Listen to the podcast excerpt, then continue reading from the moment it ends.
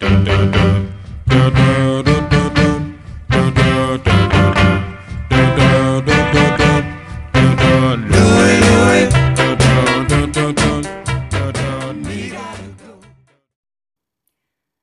meselelerin bir başka bölümüne hoş geldiniz sevgili dinleyenler.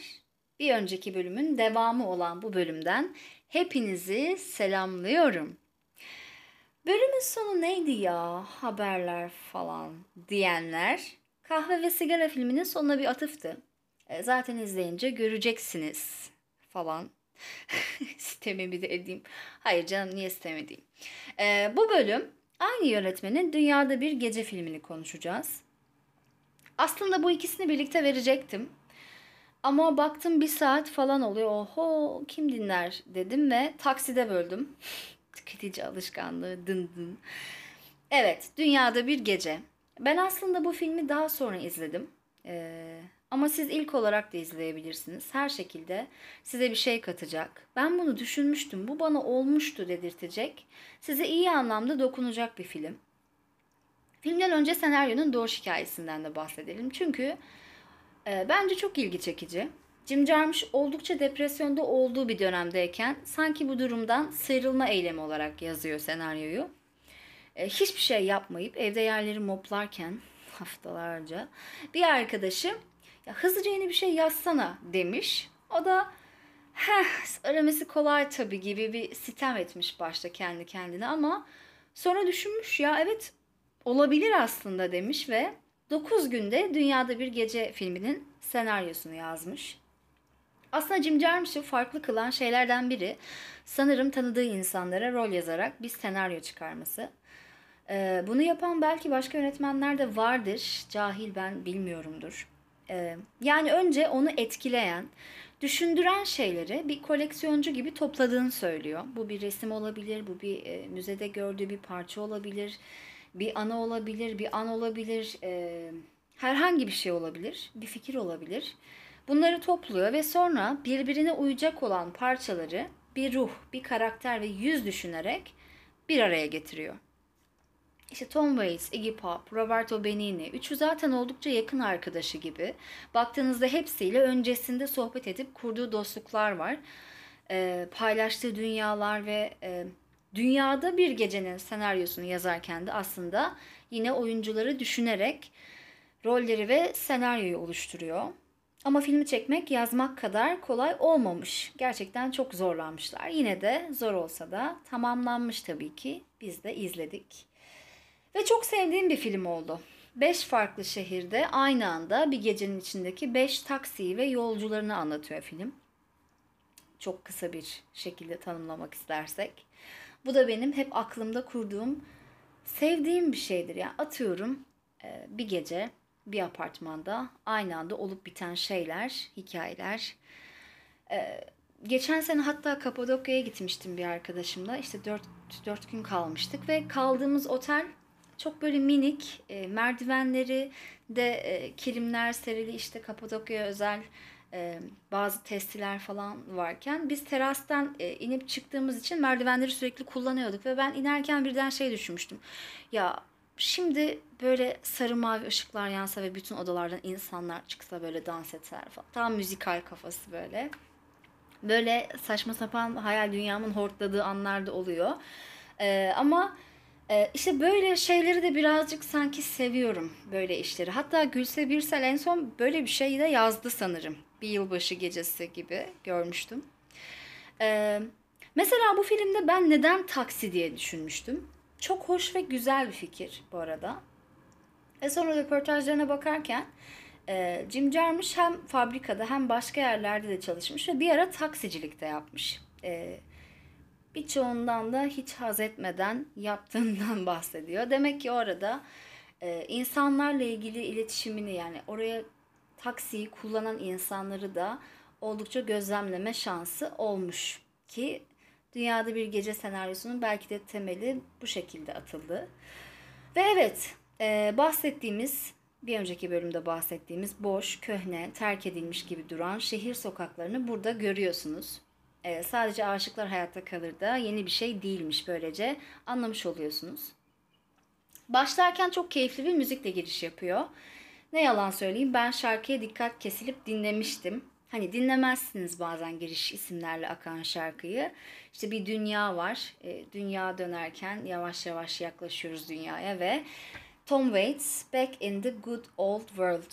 E, evet kahve ve sigaradaki Tom Waits burada filmin müzikleriyle karşımızda. E, ilk hikaye Los Angeles'ta geçiyor ve bir bakıyorsunuz ki Winona Ryder küt saçları, tersten taktığı şapkası ve kirli üstü başıyla bir taksici olarak karşımızda. Ee, Winona'nın hikayesinde gerçekten beğendiğim şey fikir sanırım insanın e, kurmuş olduğu hayalden vazgeçmemesi durumuydu. Çünkü e, Winona arabasına oldukça e, ünlü oyuncuların menajerliğini yapan bir şirkette çalıştığı belli olan e, bir kadın mecburen taksisine biniyor.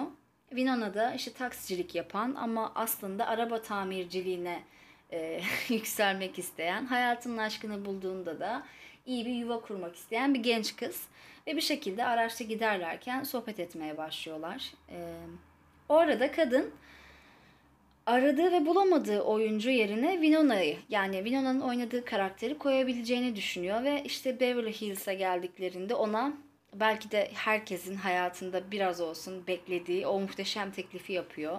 Diyor ki işte oyuncu olmak ister misin? Herkesin seni çok seveceği, işte çok para kazanacağın, hep göz önünde olacağın bir hayat. Ve Winona da diyor ki hayır ben araba tamircisi olmak istiyorum. Ve orada kadın e, afallayıp şaşırıyordu. Bilmiyorum bunu yapan var mıdır, yapacak olan var mıdır? E, bu bir ütopya mıdır, abes midir? Ama Winona orada hayır ben e, hayatımdan memnunum. E, öyle bir hayat istemiyorum. Şu an e, zaten bir planım var diyor ve bunu reddediyor. E, ve orada bitiyordu Los Angeles'taki yolculuk yani kadının araçtan çantalarını indirdiğinde. E, diğer bölüm New York'ta geçiyor. Aslında sıcak bir e, Los Angeles akşamından birden soğuk bir New York akşamına gidiyorsunuz. Her şehir e, her şehir bölümü başladığında önce şehirlerin o boş köhneliğini gösteriyor kamera size. Ee, New York'un da boş sokaklarını, e, karanlık sokaklarını, kalabalık kaosunu gördükten sonra e, bölümün baş karakterlerinden biri olan Yoyo'yu görüyorsunuz ve taksi durdurmaya çalışıyor ama hiçbir taksi durmuyor. Ee, gecenin o saatinde bir Afro Amerikalıyı taksiye almak e, çok da tekin olmayacağı için gibi bir fikir var orada. Evet, bir ırkçılık var aslında, bir e, dışlama var, ayrımcılık var. Ve en sonunda bir taksi duruyor. E, duran kişi de ama böyle dur kalk, kalk duruyor. Yani taksiyi süremediği çok belli. E, göçebe olan ve New York'a yeni gelmiş olan ve ne, ne hikmetse nasıl olmuşsa taksicilik yapmaya başlayan Helmut karakterini de ilk o anda görüyorsunuz. Yo-Yo ısrarla Brooklyn'e gitmek istiyor. Ve ona duran tek taksi o olduğu için en sonunda sen süremiyorsun sana paranı vereceğim ama ben süreceğim ve Brooklyn'e gideceğiz diyor. Ve böylece bu ikisinin yolculuğu başlamış oluyor. Ee, benim en sevdiğim bölümlerden bir tanesi New York'tu. Çünkü bu ikisinin arasındaki konuşmalar çok güzeldi. Fark etti böyle ilk anda fark ettiğiniz şey e, hem Helmut'un hem de Yoyo'nun başındaki şapkanın birbirine çok benzediği. E, ve Yoyo diyor ki e, benim şapkam seninkine benzeyemez. Çünkü benimki çok tarz bir şapka. Ama seninki tarz değil diyor. Yani aslında bir şekilde Yoyo da Helmut'a bir ayrımcılık yapıyor. E, Helmut da yarım İngilizcesiyle güleç bir suratla bunu çok önemsemiyor.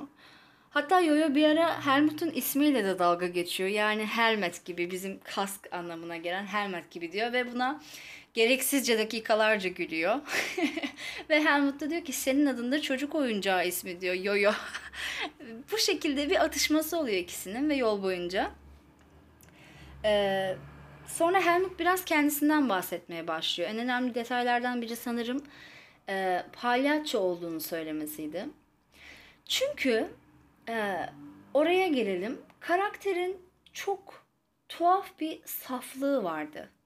Yani bu şapşallık ve saflık arasında bir yüz ifadesi olur ya. Sizde hem böyle bir iyi niyet, e, hem biraz acıma ama biraz da böyle bilemeyeceğim bir hava uyandırır. Ya bu ifadeyi çok güzel vermişti Helmut karakteri. Ee, ve palyaço olduğunu söylediği zaman sanki evet yani kayıp parça oymuş gibi hissettim. Çünkü palyaçolar da bana biraz öyle gelir. Hem hüzünlü hem de insanları güldürmeye çalışan. Kaldı ki Helmut mesela ona e, söylenilen sinir bozucu hiçbir şeye e, sinirlenmiyor.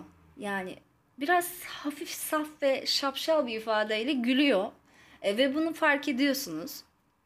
İşte hiçbir zaman ailesi olmamış ve Yoyo'nun e, abisinin karısı arabaya bindiğinde bir kavga gürültü kıyamet kopuyor ama bu Helmut'un hoşuna gidiyor. Çünkü hiç o şekilde e, bir kavganın içinde de var olmamış. Aile kavgasının içinde de var olmamış ve bunların hepsi e, onun hoşuna gidiyor. Bunu izliyorsunuz bütün e, kamera boyunca. E, ve Yoyo karakteri sonunda bahsettiğim saflığı ve işte şapşallığı biraz anlıyor ki e, Brooklyn'e geldikleri zaman e, verdiği parayı saymadığını görünce sana verilen paraları mutlaka say burası New York diye uyarıyor ve geri dönmesi için yolu tarif edip gidiyor. Ve tabii ki Helmut e, nasıl geri döneceğini bilmiyor. Arabayı çat pat sürmeyi bildiği gibi. O son sahnede yani burnundaki palyaço burunluğu e, tarif edilen yolu çat pat hatırlamaya çalışarak işte New York şehrinin kalabalık, gürültülü, e, kaos içindeki sokaklarına bakarak hangi yoldan gidecektim, nasıl gidecektim diye camdan başını çıkartıp bütün ambulans sesleri, araba sesleri, kavga sesleri, dövüş sesleri, bir kalabalık, kıyamet böyle koparken e, burnundaki palyaço burunluğunu alıp biraz korku dolu bir ifadeyle nasıl geri döneceğini düşündüğü son sahnede çok etkilenmiştim. Çünkü şey hissettim.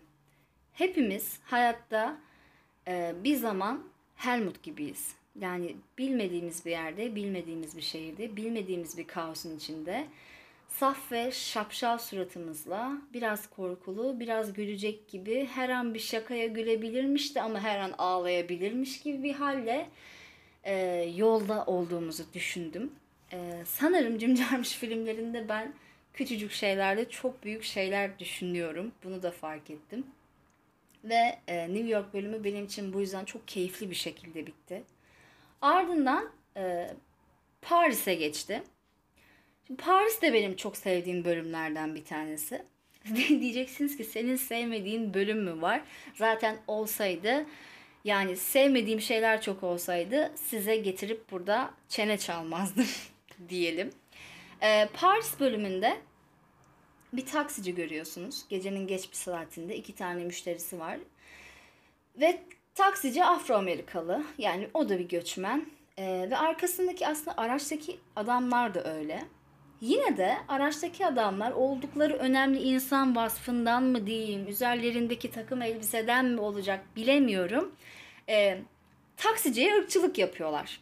Onu küçümsüyorlar. E, dilsiz misin? İşte nerelisin? Oranın neresindensin gibi. E, sürekli biraz küçümseyerek e, sözlü tacizde bulunuyorlar aslında. Ve siz de düşünüyorsunuz acaba taksici e, konuştukları dili bilmiyor mu, dilsiz mi, sağır mı falan. Ve en sonunda belki e, konuştukları dili bilmiyordur diye düşündüğünüz taksici aracı durdurup bir güzel sinirleniyor. E, benim aracımda bana mı hakaret ediyorsunuz diyor ve adamları bilmedikleri bir yerde arabadan indiriyor. Ve kendine sorun olmayacağını düşündüğü bir kadını yolcu olarak alıyor ve kadının kör olduğunu fark ediyor. Benim için en, anla, en anlamlı diyalog Paris taksisi diyebilirim. Çünkü gösterdiği ve aralarda söylemek istediği şeyler e, bana göre doğru ve bazıları da üzerine düşünülmesi gereken şeylerdi. E, taksici ilk defa yakından bir kör gördüğü için kadını izliyor ve hatta tepe lambasını yakıyor yani dudağına kalem çizerken kadın ne de olsa anlamaz diye düşünerek ve anlıyor kadın tabii ki de Hatta bir şey mi değiştirdin diye soruyor ve yalan söylüyor. Hayır yapmadım falan. Ee, az önce ön yargıya ve ırkçılığa maruz kaldığı için sempati duyduğunuz taksici aynı ön yargıları kör kadına göstermeye başlıyor ve siz birden bir duygu değişiminin içinde buluyorsunuz kendinizi. E, taksicinin ilk sorduğu soru mesela şu oluyor. İşte körler genelde siyah gözlük takmaz mı? E, kadın da diyor ki öyle mi bilmem hiç kör görmedim. Yani e, ve sonra soru bombardımanı başlıyor. İşte filmi göremezsin. Filme niye gidiyorsun? E, ne anlıyorsun? E, müzik aletlerini de hiç göremiyorsun. E, gibi gibi sorular soruyor ve kadın oldukça makul bir şekilde aslında e, yaşama felsefesini ona aktarabileceğini düşünerek sorularına cevap veriyor. Ama tabii ki taksici hiçbir şekilde sanki sorduğu soruların cevabını düşünmüyor ve devam ediyor. Orada çok can alıcı bir soru vardı. E, madem çok akıllısın söyle bakalım benim ten rengim ne? E, ve kadın da diyor ki kahrolası renklerden bana ne? Ve aslında kötü durumda olan kişinin yine taksici olduğunu anlıyorsunuz. E, dışlanan, buna maruz kalan ve e, bunun anlamını bilmeden maruz kaldığı şeyi yaşayan ve yaşatan kişi taksici. Bir de e, tam o anda başka bir soru daha mesela sordum kendime. Göremeyen bir insanın dünyaya bakışını izlerken oldu bu. İşte onun her şeyin e, cismi ve varlığı başka bir şekilde anlamlandırması ve sınıflandırması, varoluşu başka bir şekilde e, hissedebilmesi e, beni başka bir soruya itti. Dedim ki bir şeye sahip olamamak bizi o şeyin köleliğinden azat mı etmek demektir. Yani kendi gözlerimizin, dilimizin eseri miyiz acaba? Bunların yarattığı ve öğrettiği anlamların e, dışındaki dünyayı fark edebiliyor muyuz? Çünkü kör biri için gerçekten senin etnik kökenin, ten renginin hiçbir önemi yok. Ee, ve o sahneyi izledikten sonra, o soruyu sorduktan sonra e, en azından kendim için sanmıyorum diye cevapladım. yani kendimizi belki de gerçekten bir şeylerin köleliğinden kurtaramıyoruz. Kendi bakışımızın, kendi fikirlerimizin, algımızın, algımıza yaratan dilimizin, e, o dilin sembollerinin, o dilin sembollerini oluşturan e, kültürel anlamların hiçbir şekilde istesek de dışına çıkamıyoruz. Ve aslında bu bize bir çeşit e, kişisel bir kölelik yaratıyor. Burada e, Paris sahnesinde bunu çok derinden hissettim bu sahneyi izlerken. E, siz de eğer izleyip geldiyseniz e, bana katılacaksınız diye düşünüyorum. Ve bu kadar derin düşüncelere dalmışken birden e, Roma'ya geçtik. Tabii ki Roberto Benigni. Ya inanılmaz enerjisi yüksek bir insan. Sahnede kendisini görür görmez e, gülmeye başlıyorum. Çünkü yani hani bir insan olur e, ortama girer ve siz çok böyle gülmeye başlarsınız. Bir de enerjiniz yükselir. O insanla her şey çok güzel gelmeye başlar size. Bunu e, kameranın karşısında bir e, kayıtta oynayarak e, evinize gelerek yapıyor Roberto Benigni. Çok eğlenceli, yalnız ve hayal gücü çok geniş bir adamı görüyorsunuz. E, ve yolda giderken sürekli kendi kendine konuşuyor zaten. İşte Deha oteli doluysa ben de Budalalık otelinde kalırım gibi bir repliği vardı. Aracı böyle çıkmaz sokaklara sürüyor falan. Neyse en sonunda alması gereken kişiyi alıyor. Bir pederi almaya gidiyor. şey meydanda meydanda bir sahne var. Böyle pederi almaya çalışırken aracı döndürüyor peder koşuyor o tekrar dönüyor falan filan. Sanki böyle e, kedi fare oyunu oynar gibi böyle bir an izliyorsunuz tepeden. Ve en sonunda aracı biniyor peder ama adamın halinden böyle nefes alamadığı işte rahatsız olduğunu anlıyorsunuz. E, taksici asla farkında değil ki gözlerinde de güneş gözlüğü var. E, orada çok e, yani ince bir mesaj mı vardı ya da ben öyle sandım bilmiyorum ama peder şey diyor yani gecenin bu saatinde o gözlüklerle araç sürmek e, tehlikeli olabilir diyor. Ve Roberto da gözlüğünü çıkartıyor ki aa diyor gözlüğün gözümde olduğunu unutmuşum. Gözlerimi açtınız peder çok teşekkür ederim çok aziz bir insansınız falan gibi e, birden şükran duymalara başlıyor. E, yani kendi aklını kullanamayanın e, küçücük bir mantık kırıntısına şükran duyması çok tanıdık ve güzeldi. e, ve ardından şey oluyor mesela peder diyor ki sigara içtiğini görünce yani sigara içmez levhası var diyor. ve Roberta da alıp pencereden atıyor. Diyor ki bunu da buraya niye asıyorlar hiç bilmiyorum falan. yani ben bu sahnelerde birçok kez durdurduğumu hatırlıyorum. Bilmiyorum yani ben çok güldüm. Belki de bende bir sorun vardı. Ve işte hazır pederi yakalamışken de tabii ki günah çıkarmaya başlıyor. Bu sahneleri e, hiçbir şekilde sözünü etmeyeceğim. Hani böyle çok komik bir şey olurdu anlattığınızda bütün büyüsünü kaybeder ya. E, gerçekten Roberto Benigni'nin oyunculuğu e, o sahnede böyle bir etki taşıyor. Kendisinin çok fazla işini de izlemediğim için bütün oyunculuğu hakkında böyle bir yorum yapmak istemiyorum ama o sahnede gerçekten benim onun oyunculuğunu ve onun e, gösterdiği performansı e, senaryo sırasıyla dile dökmem e, sanki bütün büyüyü bozacak. O yüzden hiçbir şekilde bunu bahsetmek istemiyorum. Ama e, çok güzel bir bölümdü Roma bölümü. Kendisini o kadar çok kaptırıyor ki günah çıkartma seansında. E, peder araç dur kalk yaparken e, ilacını düşürüyor. Nefessiz kalıyor ve en sonunda kalp krizi geçiriyor herhalde ve ölüyor. E, Roberto da öldüğünü fark edince onu bir banka bırakıp yoluna devam ediyor. Ve hemen ardından Helsinki'ye geçiyorsunuz. Ee, bölümlerin yani şehirlerin birbiriyle geçişi arasında bir ritim var.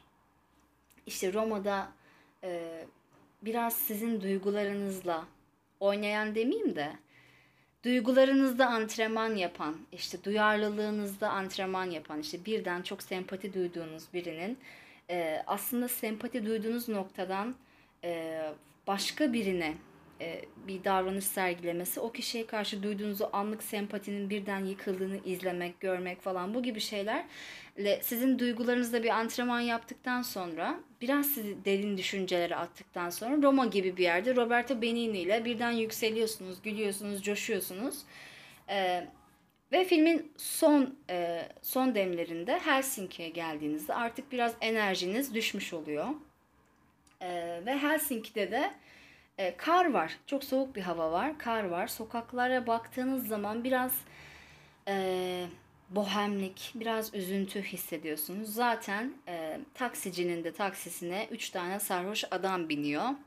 Ve işte ne kadar kötü bir gün geçirdiklerinden, e, başla, başlarına gelen kötü şeylerden bahsediyorlar derken taksici kendi anısını anlatmaya başlıyor.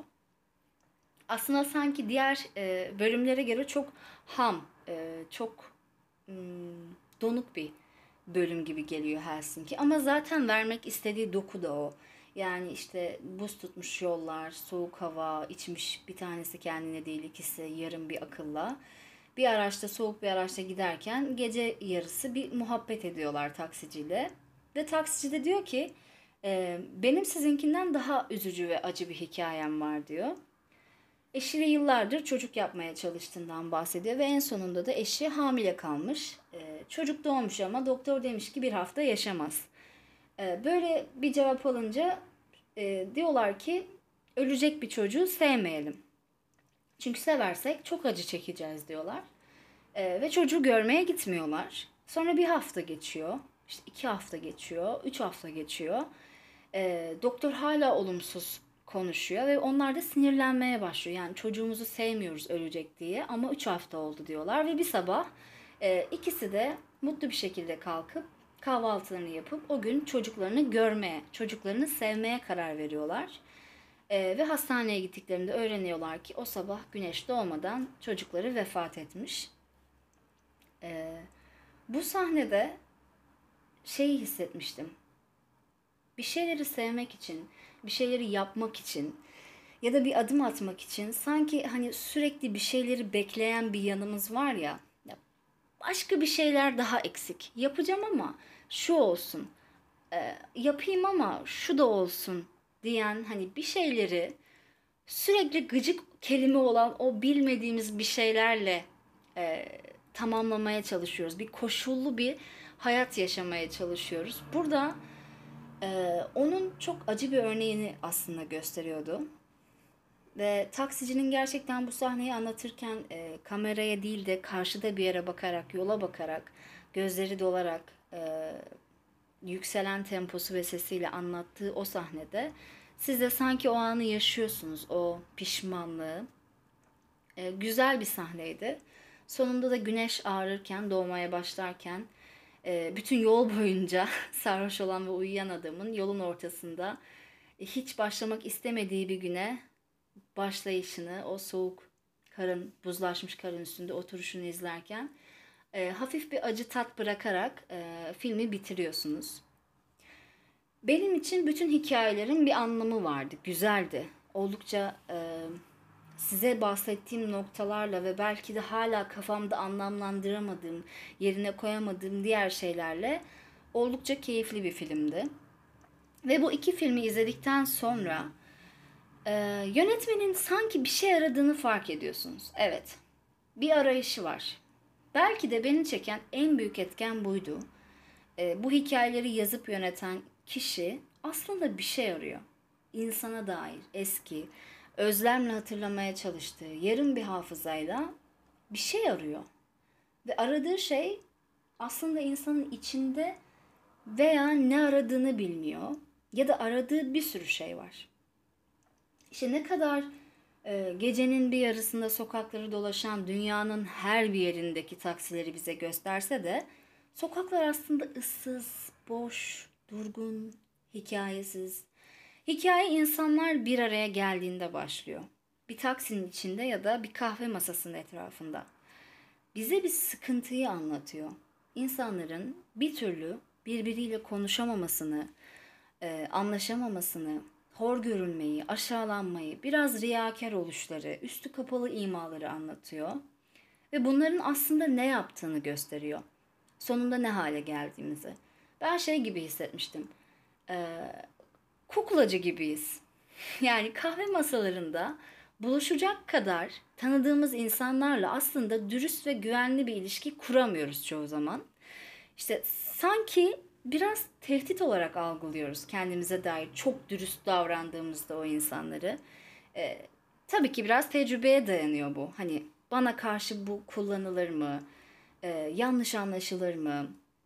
Yoksa hor görülür müyüm? Ama rastlantısal bir şekilde hayatımıza giren insanlarla kısa bir süre içinde çok derin ve özel şeyleri de bazen paylaşabiliyoruz. Yani ne saçmalık diye düşünebilirsiniz. E, tanımıyoruz o insanları ama gizemi burada. Belki de hayatımızda durmayacak o insana bir şeyler sormaya, anlatmaya çekinmiyoruz. Sizi yargılayamaz. Yani yargılasa bile birazdan kendisiyle birlikte yargısı da gidecek. Ee, sizi hiçbir şeyle hatta bir önceki sizle, iş yerindeki sizle, evdeki sizle, sokaktaki sizle kıyaslayamaz. Ee, sen o masa, o takside olduğundan ibaretsin o kişi için. Ve evet, bence püf nokta bu. Sorun da bariz ama çözümü var mı? Ee, çözümü olmalı mı? Yönetmen de bir çözüm vermek istemiş mi bilmiyorum. Çünkü zaman içinde, e, ilişkilerimiz içinde kıyaslanmak, eleştirilmek bence kaçınılmaz. Olması gereken de bir şey. Çünkü değişiyoruz, e, tanışıyoruz ve bu oluyor. Yani olmak zorunda. Sadece e, anlayışlı olabiliriz belki. Bu anlayışı karşı tarafa hissettirebiliriz ki aramıza duvarlar çekilmesin. İşte bir kahve masasında hiçbir şey konuşamayacak. Sadece kahveden ve sigaradan muhabbet açıp 60'lardan 70'lerden konuşup e, ama kendimize dair hiçbir şey konuşamayacak noktaya gelmemeliyiz belki de. E, ama işte o duvarlar çekilir çoğu zaman. Ama bazen bir yabancı ile küçük belirsiz bir sohbet sizi bir anlama getirir. Hayatlarımız küçük uçlarla birleşir, yapışır. İnanılmaz olan da bu bence. İşte vapura yetişmeye çalışan bir kadının akşam vakti koşmasını izlerken kendi hayatının önemli bir sorusunu aklına getirip düşünmektir belki de e, güzel olan. Yani 21. yüzyıl çok garip. hem çok hızlı, hızlı yani her şey çok hızlı. Hem çok dolu, hem çok yavaş ve boş. Ee, bazen inanılmaz olan bütün hayatın bomboş ve desteksiz gelirken hiç tanımadığın birinin iki sene önce konuştuğu bir şeye denk gelip e, avuntu destek hissetmek, devam edebilme gücünü o videodaki insandan bulmak. Ve evet işte yönetmenin e, bu yakın duran soğuk ilişkilerimizden yıldığını, Ve bu küçük bağlantı noktalarında yapılan güzel, sıcak sohbetleri yapan yanımızı aradığını hissediyorsunuz. Ben hissettim. en azından ben hissettim. Ayrıca aslında e, bana muazzam hissettiren ve heyecanlandıran şey de bu bakışın kafamdaki dünyaya çok yakın olmasıydı. E, konudan ziyade biçim olarak. Çünkü tuhaf bir şekilde hep bazı anları iki insanın ya da iki şeyin arasındaki o ayaküstü sohbetleri, işte başı sonu belli olmayan, aradaki o durumu anlatan hikayeleri yazmayı tutkulu bulan biriydim ben. O yüzden bazen bir tabloya hikaye yazdım ya da olay denen şeye anlardan ve cümlelerden başladım. Ve dürüst olmak gerekirse bazen tutkuyla yaptığım bu şeyin biçiminden şüphe duyduğum zamanlar oldu. Yani bu şekilde mi yazılmalı, anlatmak istediğim şey o tarafa ulaşıyor mu diye. Ve işte Jim Jarmusch ve kahve masaları ve bir taksinin içindeki geceleri görünce e, tahmin edersiniz ki çok sevindim. İnanılmaz bir andı. Yani sanki hep oynamak istediğim e, oyunu e, oynamak isteyen çocuk gibi ya da sıcak bir sohbetin içinde, sıcak bir odada kalmasına izin verilmiş çocuk gibi onun sevinciyle küçüldüm koltukta ve izledim filmleri. Bana e, bir sevinç ve ilham verdi diyebilirim bu filmler ve bu bakış. Ne diyelim? Hayat garip ve muazzam. Ben e, iki saatlik bir filmi hatta iki saatten daha az olan bir filmi böyle çok uzun uzadıya anlattım ama belki de büyüsü bu. Yani bu kadar kısa verilen şeylerin içinde bu kadar büyük anlamlar ve düşünceler inşa etmek belki de maharet. İyi ki filmler var. William Blake'in güzel bir sözüyle kapatalım. Sorgulamayacağım ve kıyaslamayacağım. Benim işim yaratmak. Gelecek bölüm görüşmek üzere. Umarım filmleri beğenmişsinizdir ve umarım e, sizin de hayatınızda dikkatinizi çekecek noktaları yakalayabilmişsinizdir. E, tekrarlıyorum. Bir başka bölümde sizlerle yine görüşmek dileğiyle diyorum. Hoşça kalın, iyi kalın.